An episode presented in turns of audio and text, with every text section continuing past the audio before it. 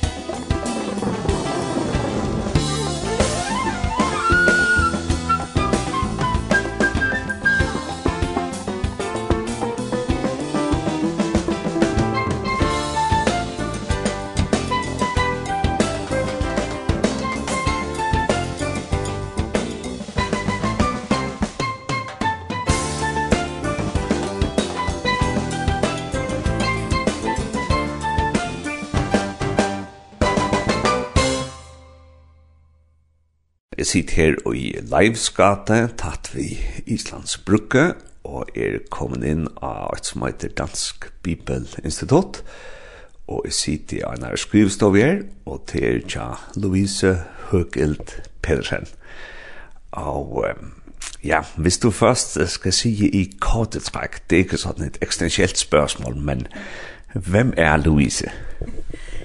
Ja, hvem er Louise? Øhm, altså for det første, så øh, bor jeg her i København, Ehm, i en lejlighed i det, der hedder Nordvestkvarteret i København. Øhm, så arbejder jeg her på Dansk Bibelinstitut, og har sådan en øh, stilling, som er sådan lidt delt i to. Øh, dels så underviser jeg i sjælesorg og i latin, og øh, dels så øh, skriver jeg en Ph.D. i sjælesorg. Øhm, så det tror jeg sådan er lidt grundlæggende om, hvem jeg er. Og ja, og vi skal så snakke om det her med sjælesorg. Mm. Og ja, skal vi først måske bare definere, hvad er sjælesorg, og så også, hvad er god sjælesorg?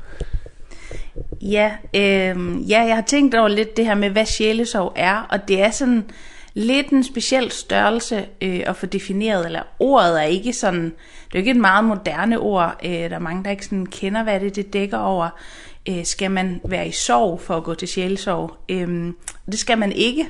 Det kan man være, men man skal ikke nødvendigvis. Øhm, ordet dækker egentlig bare over øh, et ord, der er øh, oversat fra tysk, som betyder omsorg for sjælen. Øh, så ordet sorg handler om omsorg. Øhm, og det er egentlig det grundlæggende sjælesorg er. Øh, kirkens og, og øh, menighedens ønske om at yde omsorg for menneskets sjæl. Ehm ja, det hele menneske. Er, er det kun i kristendom at man giver sjælen så?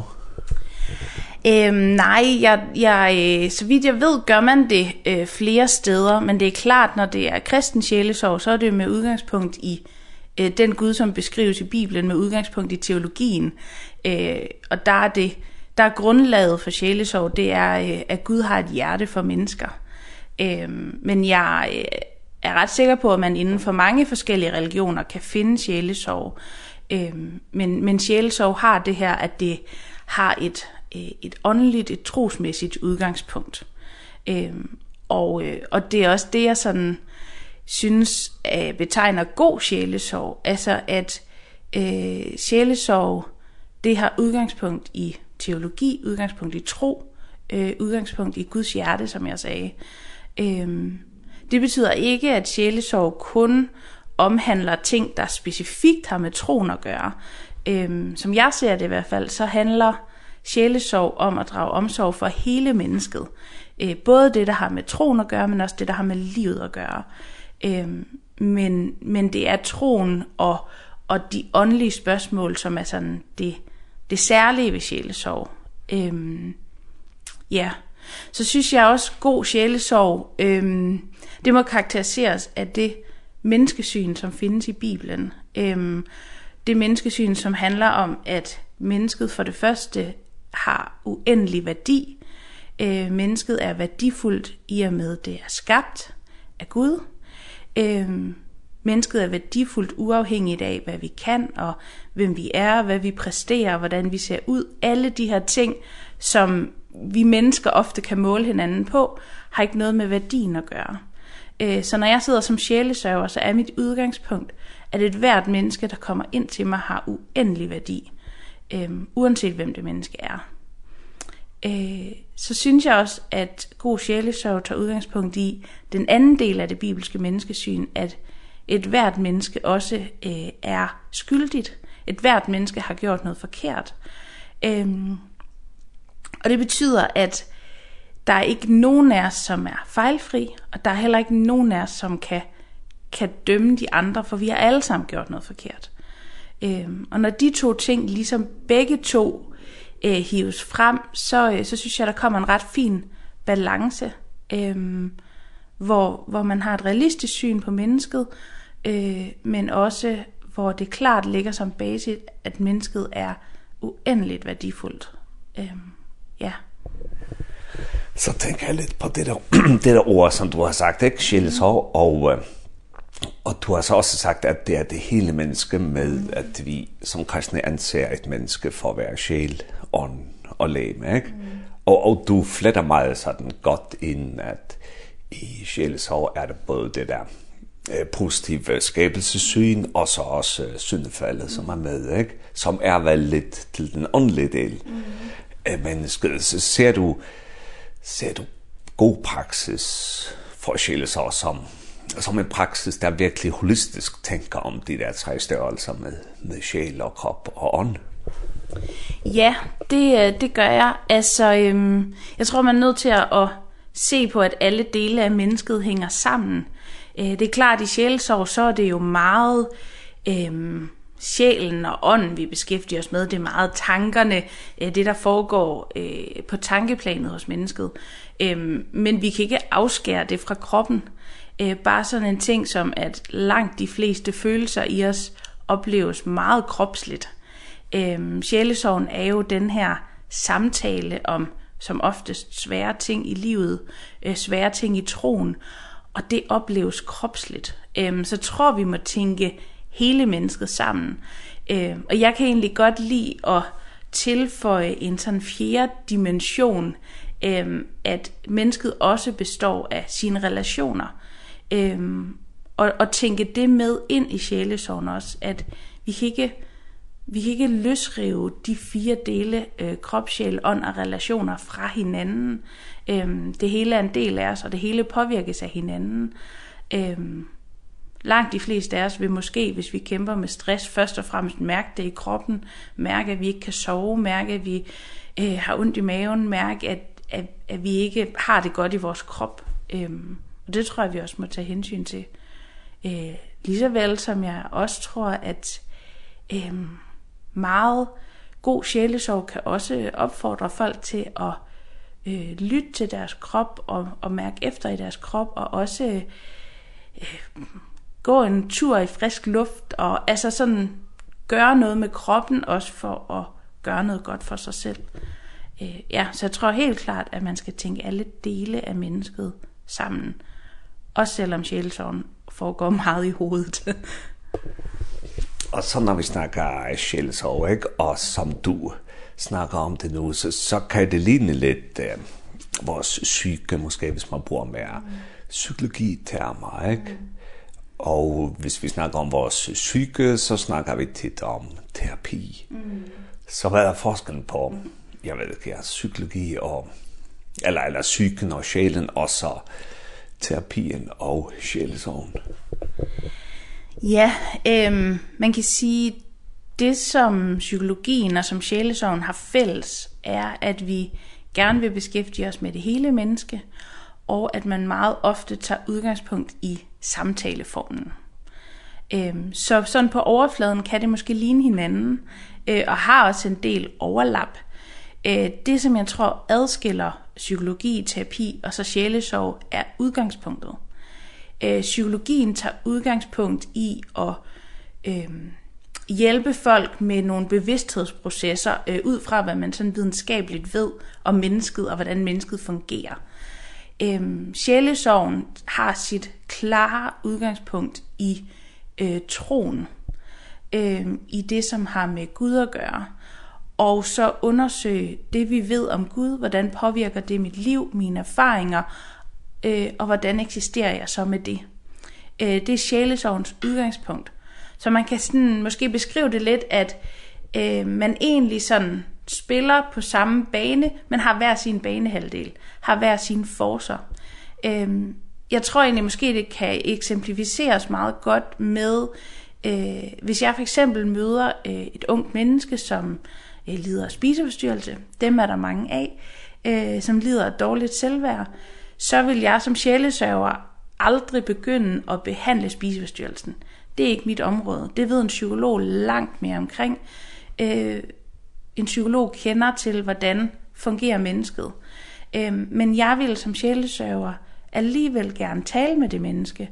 Øh, fordi især hvis, hvis det vel at mærke er et kristen menneske, så vil der måske være nogle ting, som har med Gud at gøre. Øh, nogle ting omkring hvilket blik har Gud på mig? Ehm hvis et menneske lider dårligt selvværd, så tror jeg faktisk teologien og kristendommen har noget at give. Ehm igen det her med menneskets værdi. Og det er det er sjælesorgens banehalvdel. Eh det her hvad sjælesorgen kan sige noget om. Ja, hvordan ser Gud på dig? Eh hvordan fortæller Bibelen at du kan se på dig selv? Ehm Hvad når du, eller hvis du oplever, at Gud er blevet væk? Øh, ja, alt det her, som har, har med, med troen at gøre. Og der er jo overlap, men jeg vil klart afholde mig fra at behandle noget som helst psykologisk, for det er ikke det, jeg kan. Øh, og det er ikke det, sjælesorgen skal heller. Så du, du bruger den her metafor med, at det er en, en fodboldsbane måske, mm. og man har hver sin banehalvdel, ikke? eh hvor, hvor så psykologien eh spiller meget godt sammen, måske med sjælsorg, men er der nogle gange, hvor man, hvor man kun har brug for den ene bane halvdel så, så nu er det menneske, der søger dig i kirken, og så ligesom assesser, eller vurderer du, at nu er det, altså, nu er det sjælsorg, så jeg skal ikke bede vedkommende og gå til psykolog, Og nogle andre gange, hvor du møder et menneske, som kommer til dig, hvor du liksom mere siger, nej, det er, jeg skal nok hjælpe og bede for dig, men, men det er nok mere en psykolog, du skal have fat i nu. Ehm ja, det tror jeg, det tror jeg klart der vil være eksempler på. Altså ehm det første der med hvis hvor jeg ikke vil bede folk om at gå til psykolog, det er jo oftest mennesker som kommer med um, udfordringer eller tanker og refleksioner som som klart er åndelige. Ehm øh, tvivl omkring Gud, øh, tvivl omkring øh, frelse. Er jeg frelst? Er jeg ikke frelst? Øh, ja, øh, udfordringer med øh, kirken, øh, hvis man ikke føler sig tilpas i menigheden. Sådan nogle spørgsmål, som, som klart er øh, åndelige spørgsmål. Øh, der vil jeg typisk ikke bede folk om at gå til psykolog. Ehm med mindre der lige pludselig viser sig, at der er noget psykologisk nedenunder. Men i udgangspunktet synes jeg, det er øh, sjælesørgiske spørgsmål. Øhm, så tror jeg, at øh, der hvor jeg vil bede folk om at gå til psykolog, det vil være, hvis der er nogen... Øhm, hvis der er nogle psykiske udfordringer, øh, hvis der er depression, angst, øh, selvmordstanker, spiseforstyrrelser, øh, stress, altså alle de her ting, som skal øh, som kræver behandling af en eller anden form øh, og, og i en eller anden grad. Ehm øh, der vil jeg bede folk om at gå til psykolog. Ehm og jeg, jeg vil henvise dem til nogen, hjælpe dem med at finde frem til en psykolog. Ehm jeg vil nok aldrig slippe folk, med mindre de også gerne selv ville det. Jeg vil altid tilbyde at sige, jeg vil gerne tale videre med dig. Jeg kan ikke behandle det her for dig, men jeg vil gerne tale videre med dig. Øh, mest for at sikre mig, at der ikke er nogen, der ender lidt et sted, hvor de ikke snakker med nogen. Øhm, men hvis et menneske, der lider af for eksempel depression, er øh, kommet i kontakt med en god psykolog og er blevet glad for at gå der, for hjælp der, øh, så kunne jeg sagtens se en situation, hvor der ikke var behov for sjælesorgen her og nu. Det kan være, der blev det senere. Øhm, det kan være, at depressionen slet ikke påvirker Guds forholdet. Øhm, og så er psykologien måske alt rigeligt til at, afhjælpe det, der skal afhjælpes. Ja. Ja, og nu, øh, du er meget yngre end mig, men du underviser her øh, på Dansk Bibelinstitut i faget, der hedder Sjælsår. Mm -hmm. Og det er nok derfor, du bruger det der ord. Men jeg er så gammel, at jeg husker godt, at man brugte det her ord sjælsorg, ikke? Øh, og det hører man ikke særlig tit i dag, at nu kan man ligesom få tilbud om sjælsorg. Men noget andet, man hører tit, det er, at du kan komme til samtale og forbund mm. efter, efter en gudstjeneste, ikke? Er, er, er det lidt af det samme, som man i, bare, i dag bare kalder et nyt navn samtaleforbund i stedet for, som da jeg var ung, man kaldte det forskelligt så. øh, ja, det, det vil jeg sige, det er. Øhm, jeg tror, ordet sjælesorg er, som jeg også var lidt inde på i starten, det er lidt et forældet ord. Øhm, folk er både i tvivl om, hvad dækker ordet sorg over, hvad dækker ordet sjæl over. Øhm, så hvis man kalder det samtaler og forbøn, samtaler om tro og liv, øhm, så, så forstår folk mere umiddelbart, hvad det er. Eh så, øhm, så tror jeg, der er sådan lidt forskellige grader af sjælesorg, eller hvad man kan sige. Altså, der er jo den sjælesorg, som kan udføres af et hvert menneske, som har omsorg for andre. ehm der, hvor man måske primært lytter. Eh og så er der den sjælesorg, som udføres af, af præster og uddannede sjælesørgere, øh, som... ehm som har mere ehm har mere uddannelse og erfaring i hvordan gør man det her på en god måde. Ehm og der tænker jeg måske hvis det hedder samtaler og forbøn, så vil jeg måske forvente at det bare i gåsøjen er øh, et omsorgsfuldt, øh, empatisk godt menneske som sidder og gerne vil lytte til hvad jeg har at sige og gerne vil give mig noget forbøn for det. Ehm Hvorimod, hvis man kalder det sjælesorg, så er det måske oftere, øh, det kan være måske en længere række af samtaler, man får, eller øh, samtaler med en, som har noget mere erfaring inden for området. Øh, men alle dele er jo sådan set sjælesorg. Øh, det er bare et lidt forældet ord. Øh, desværre har vi ikke fundet noget, som er sådan meget godt dækkende, som vi kan erstatte det ord med. Øh, og derfor tror jeg stadigvæk, at vi sådan bruger det. Øh, men det er egentlig ikke et sådan meget godt ord. Mm.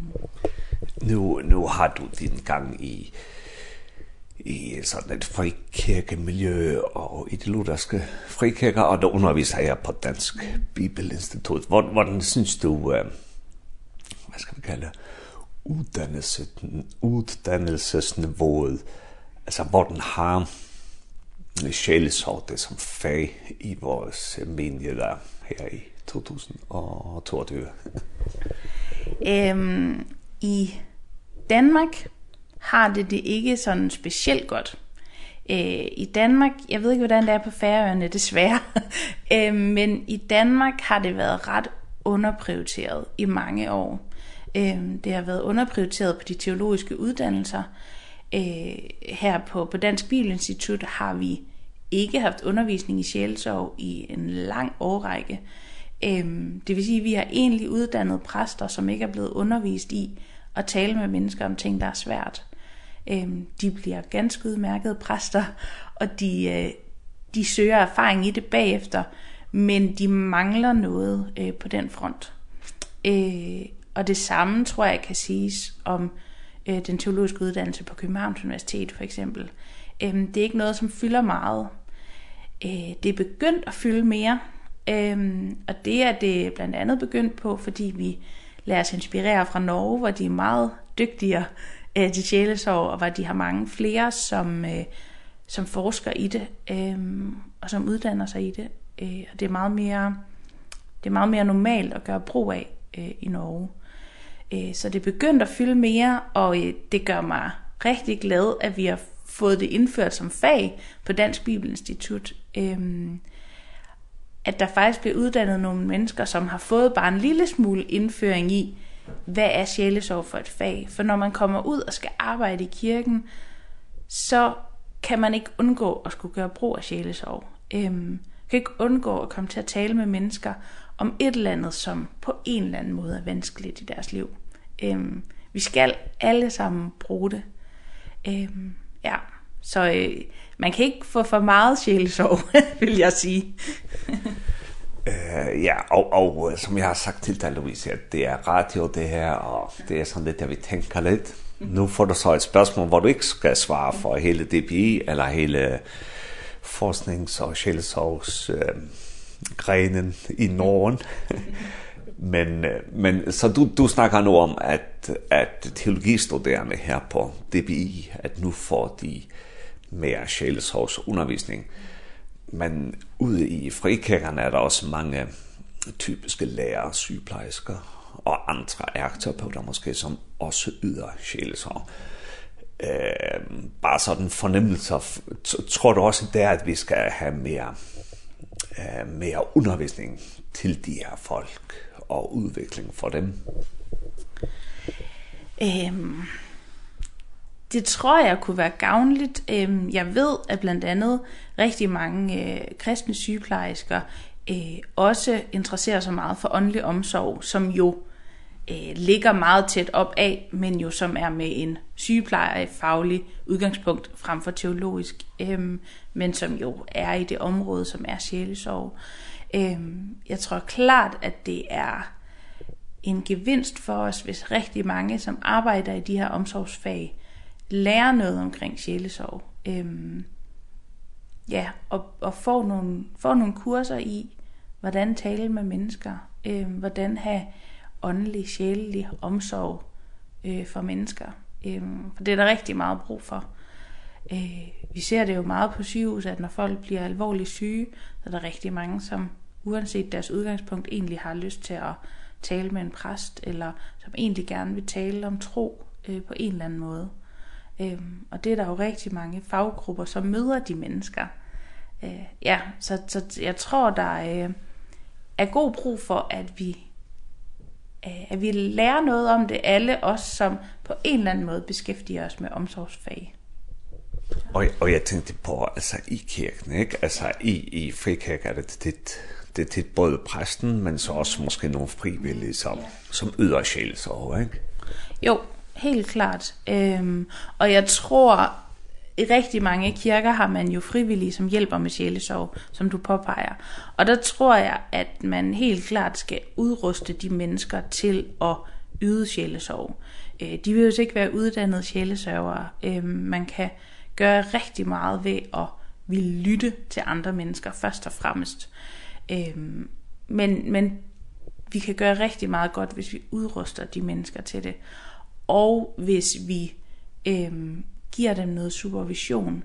Jeg synes, man er nødt til, også som frivillig sjælesørger at have et sted, hvor man kan få hjælp til, øh, til den opgave, som man står i. Ja. Og, og hvis nogen, nogen fra færøerne og det her, og tænker, det kunne være spændende at, at, at udruste mig mere til, er der mulighed for, at man kan komme ind her på DB og tage det som enkeltfag, og hvis det er enkeltfagsbaseret, kan man så også tage det over nettet? Øhm, man kan helt klart komme og tage det som enkeltfag. Øhm, det har ikke været oprettet nu som netfag, men jeg forestiller mig helt klart, at det, det kommer det til at blive. Øhm, fordi det, det er et fag, som er meget populært gerne at ville tage.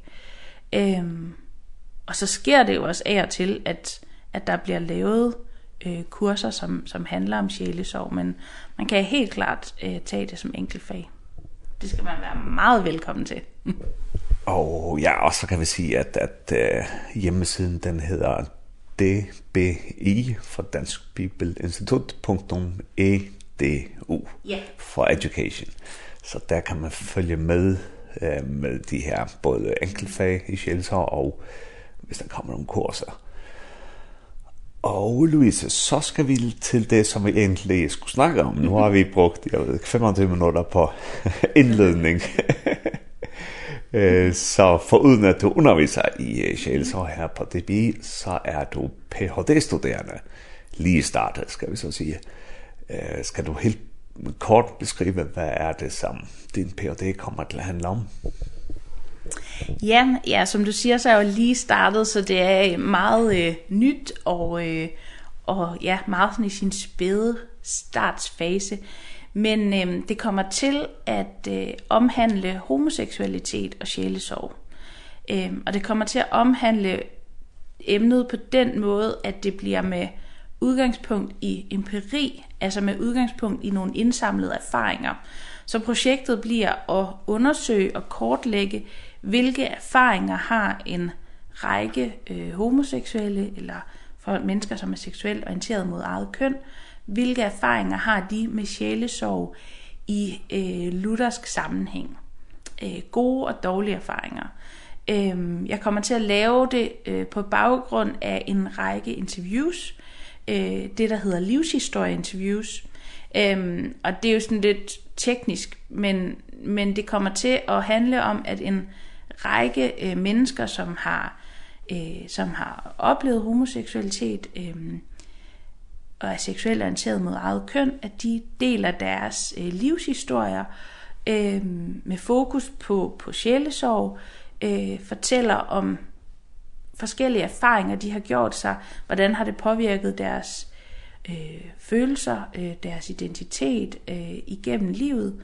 Øhm, og så bliver den empiri, den samling af erfaringer, bliver så udgangspunkt for at give nogle perspektiver til sjælesorgen. Øhm, så det kommer ikke til at handle om, hvad Bibelen siger om homoseksualitet. Eh det kommer heller ikke til at handle om, eh om man kan være homoseksuel og kristen. Ehm det, det er slet ikke sådan spørgsmålet. Spørgsmålet er at tage klart udgangspunkt i en række menneskers erfaringer, øh, og så lad det fortælle os noget øh, i sjælesorgen. Så det bliver sådan øh, inden for det fagområde, der hedder praktisk teologi, Øh, og i praktisk teologi tager man udgangspunkt i at undersøge en praksis. Øh, undersøge, hvordan den fungerer.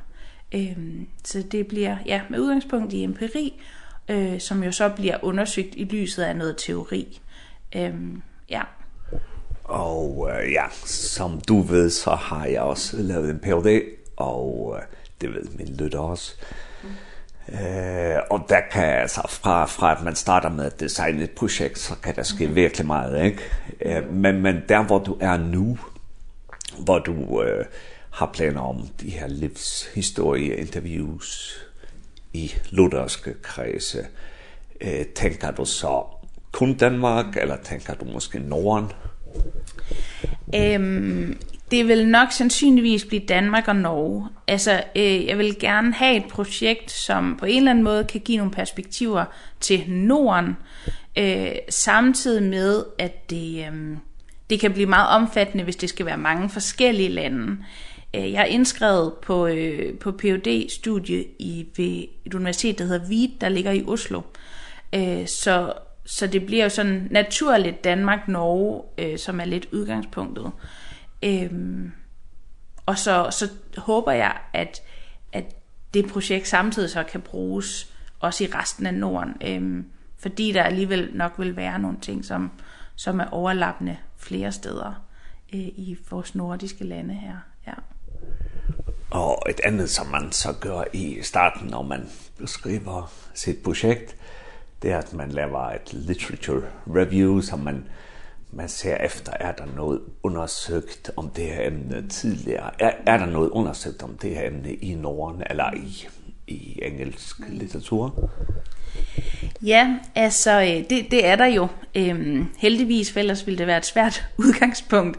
Øh, der er især i USA lavet rigtig meget forskning øh, omkring øh, homoseksualitet, øh, og også øh, inden for praktisk teologi, inden for sjælesorg. Øh, Eh det, som liksom har vist sig, når jeg har undersøgt litteraturen, det som i hvert fall umiddelbart viser sig, er, at eh, der i Norden ikke er lavet så meget praktisk teologisk omkring sjælesorg og homoseksualitet.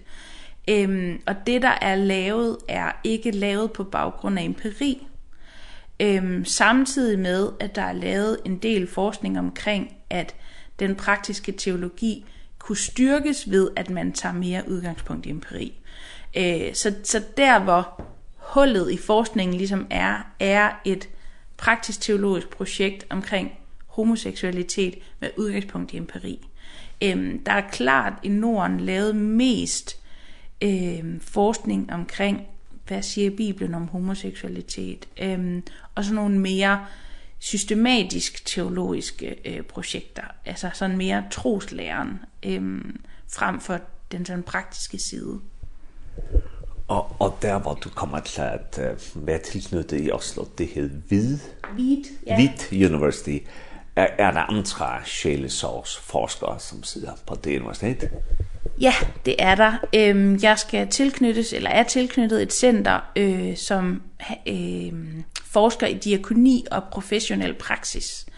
Eh så der er også andre forskere som arbejder med med sjælesorg der på forskellige måder, eh som arbejder med eksistensspørgsmål. Ehm sådan i i en bred sammenhæng. Ja. Og og har de også øh, forskning i sjælesorg med med altså den persons identitetsrelaterede emner og seksuelle emner? Ehm jeg tror ikke, så vidt jeg i hvert fald lige ved, at det ikke sådan ehm seksuelle emner, der sådan fylder mest. Ehm men der er en enorm stor erfaring inden for, for sjælesorg og inden for indsamling af empiri, inden for praktisk teologi. Ehm og jo også inden for køn og identitet og sådan mange af de her emner, som, som homoseksualitet jo også er, er inde omkring. Ja. Og så tenker jeg at, uh, ja, som du säger at, at, at det er måske mange emner, der snor sig sammen, ikke? så det er folk der er orienteret seksuelt mot deres egen køn, det er något med kønsidentitet, selvopfattelse. Mm. Uh, og så tänker jeg lite at hvis vi hvis vi går tilbage til 70'erne, ikke, så var det næsten ikke, ikke fremme i offentligheden øh, i Danmark med de her emner men i dag er det blevet pludselig meget, meget aktuelt. Ikke? Du kan ikke åbne en avis, du kan ikke se en tv-avis, uden der kommer noget om, om seksuelle emner. Det behøver ikke kun at være uh, homoseksualitet, det kan være øh, med forskellige øh, seksuelle orienteringer, øh, som transkønnede og, ja, og alt muligt. Eh, sådan bare gissninger. Mm -hmm. eh vad tror du skulles att att vi sitter vi ser den här uppblomstringen i i de her emner for tiden? ja, ehm jeg synes, det er svært at svare på. Noget af det, jeg kunne forestille mig måske øh, er medvirkende til det, er, at vi lever i en tid, hvor den øverste autoritet i mit liv er mig. Ehm Jeg skal følge min lyst. Jeg skal øh, følge mit hjerte. Jeg skal finde ud af, hvad jeg har lyst til, hvem jeg er, øh, hvad jeg gerne vil. Og vi får hele tiden at høre, at øh, du kan, hvad du vil. Øh, begrænsninger er ikke særlig populære i tiden. Øhm, og jeg tror måske, det kan være noget af det sådan underliggende til, at det her med seksualitet også fylder enormt meget. Øhm, vi lever i en, i en tid, hvor identitet er ikke noget, du får givet på forhånd. Du skal selv finde ud af, hvem du er. Du skal selv skabe, hvem du er.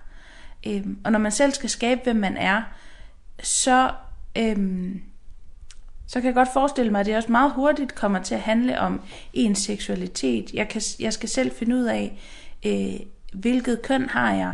øh, hvem er jeg seksuelt tiltrukket af? Ehm og også, det er lige vigtigt for mig egentlig at sige, at seksualitet, det handler jo ikke kun om sex, det handler om øh, kærlighed, alt det, der har med, med det område at gøre. Ehm ja, så, så hvem, hvem er tiltrækkes jeg mod? Ehm hvad vil jeg gerne være? Hvem vil jeg gerne være? Alle de spørgsmål skal jeg selv finde ud af, for der er ikke noget udefra øh, som, som giver mig nogen retning. Ehm og der udstikker Bibelen jo en sådan ret tydelig retning, i hvert fald for mig at se. Ehm og det er ikke særlig populært. Det er ikke særlig populært at få sat begrænsninger. Ehm fordi begrænsninger er rigtig mange, tror jeg, ikke opfattes som det gode, men, men som opfattes som noget, der øh, sætter mig ind i en kasse, som jeg har svært ved at være i. Ehm ja, så det, det tror jeg måske sådan kan være medvirkende til, at, at det fylder mere, end det gjorde for 30 år siden. Og så, og så tænker jeg, at, at vi kristne kan måske tit synes, at, at det er for meget om de her emner, ikke? Men, men der er vel også noget godt i, at man tør at snakke om nogle emner, for eksempel incest og sådan noget, at vi bliver mere opmærksomme omkring ting, der skærer MeToo-bevægelsen med seksuelle krænkelser af kvinder, som faktisk i grunden også er noget godt, ikke? Mm. Øh, hvis du igen skal gisne, mm. det er det, som vores arbejde er her, øh, øh, så, så hvis vi siger, at i samfundet generelt, ikke, det danske og det færøske, er man blevet ret god til at omtale de her emner, men, men hvad, hvad synes du temperaturen er inden for vores øh, kristne miljø og det som du så kender bedst, er det lutherske miljø. Er vi gode nok til at, at snakke om de her emner, som har en seksuel og kønsmæssig øh, grund? Øhm, nej, det synes jeg egentlig ikke, vi er gode nok til. Jeg synes også, vi bliver bedre.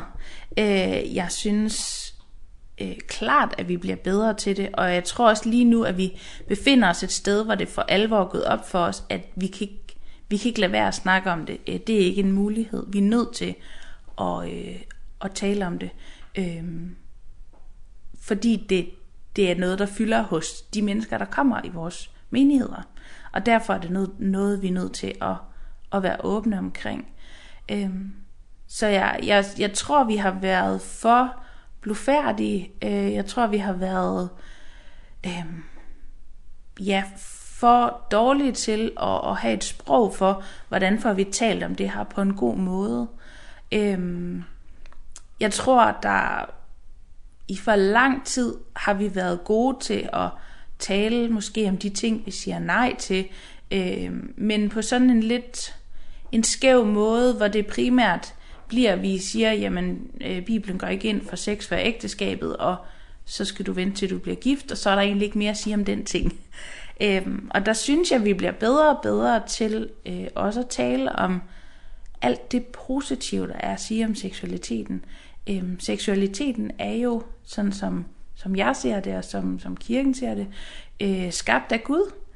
Og den er i udgangspunktet noget fantastisk godt, øh, som Gud ville noget virkelig godt med.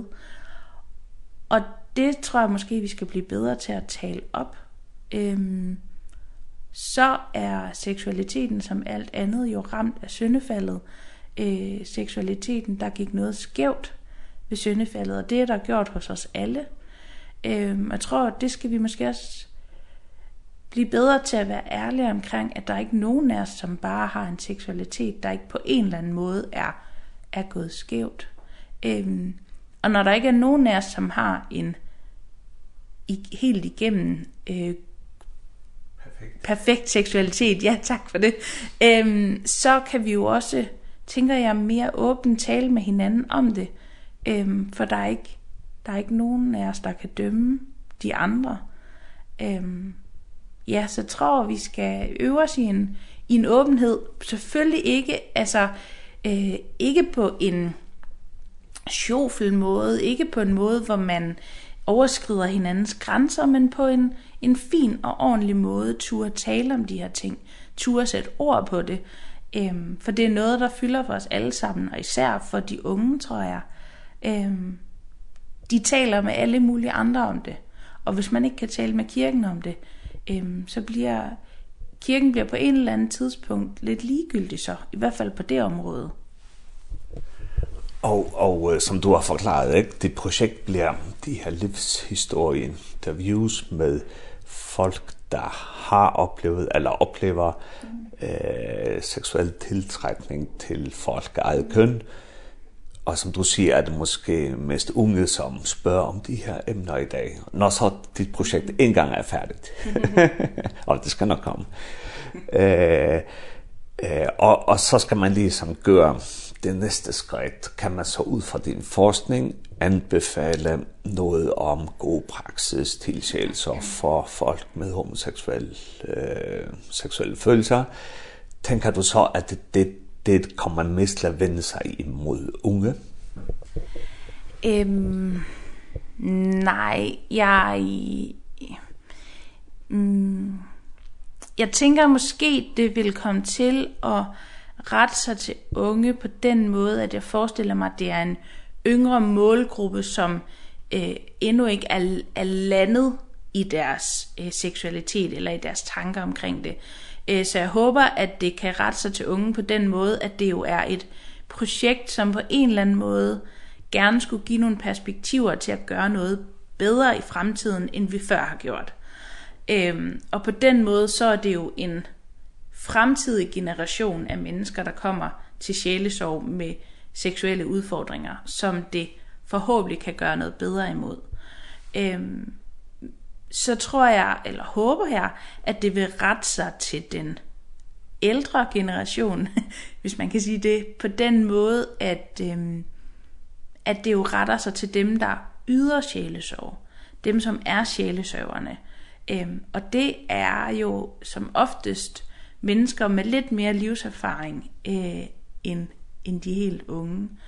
Øhm, og der håber jeg, at det kan give et indspark også til den gruppe af mennesker – Øhm, selvom at jeg, øhm, jeg tror ikke det er muligt at lave et projekt, som sådan både kortlægger erfaringer og giver en mængde øh, gode råd til, til praksis. Øhm, jeg, jeg tror sådan projektet vil komme til at give nogle perspektiver til en bedre praksis. Samtidig med jeg tror jeg også, at, at den bedre praksis er noget, der, som, som jeg skal forske videre i også bagefter det var en pæn slutning, synes jeg. Uh, jeg vil sige dig tusind tak, Louisa. Uh, og hvis jeg må, så vil jeg gerne liksom følge op på det om et år eller to år eller sådan noget. Det må du i hvert fald. ja, og dette var så enten av Bilsalong i morgen. Og henta sendin kjøver så enda sendt i kveld klokkan 19.30 og i natt klokka 4. Så takk for det, og i morgen.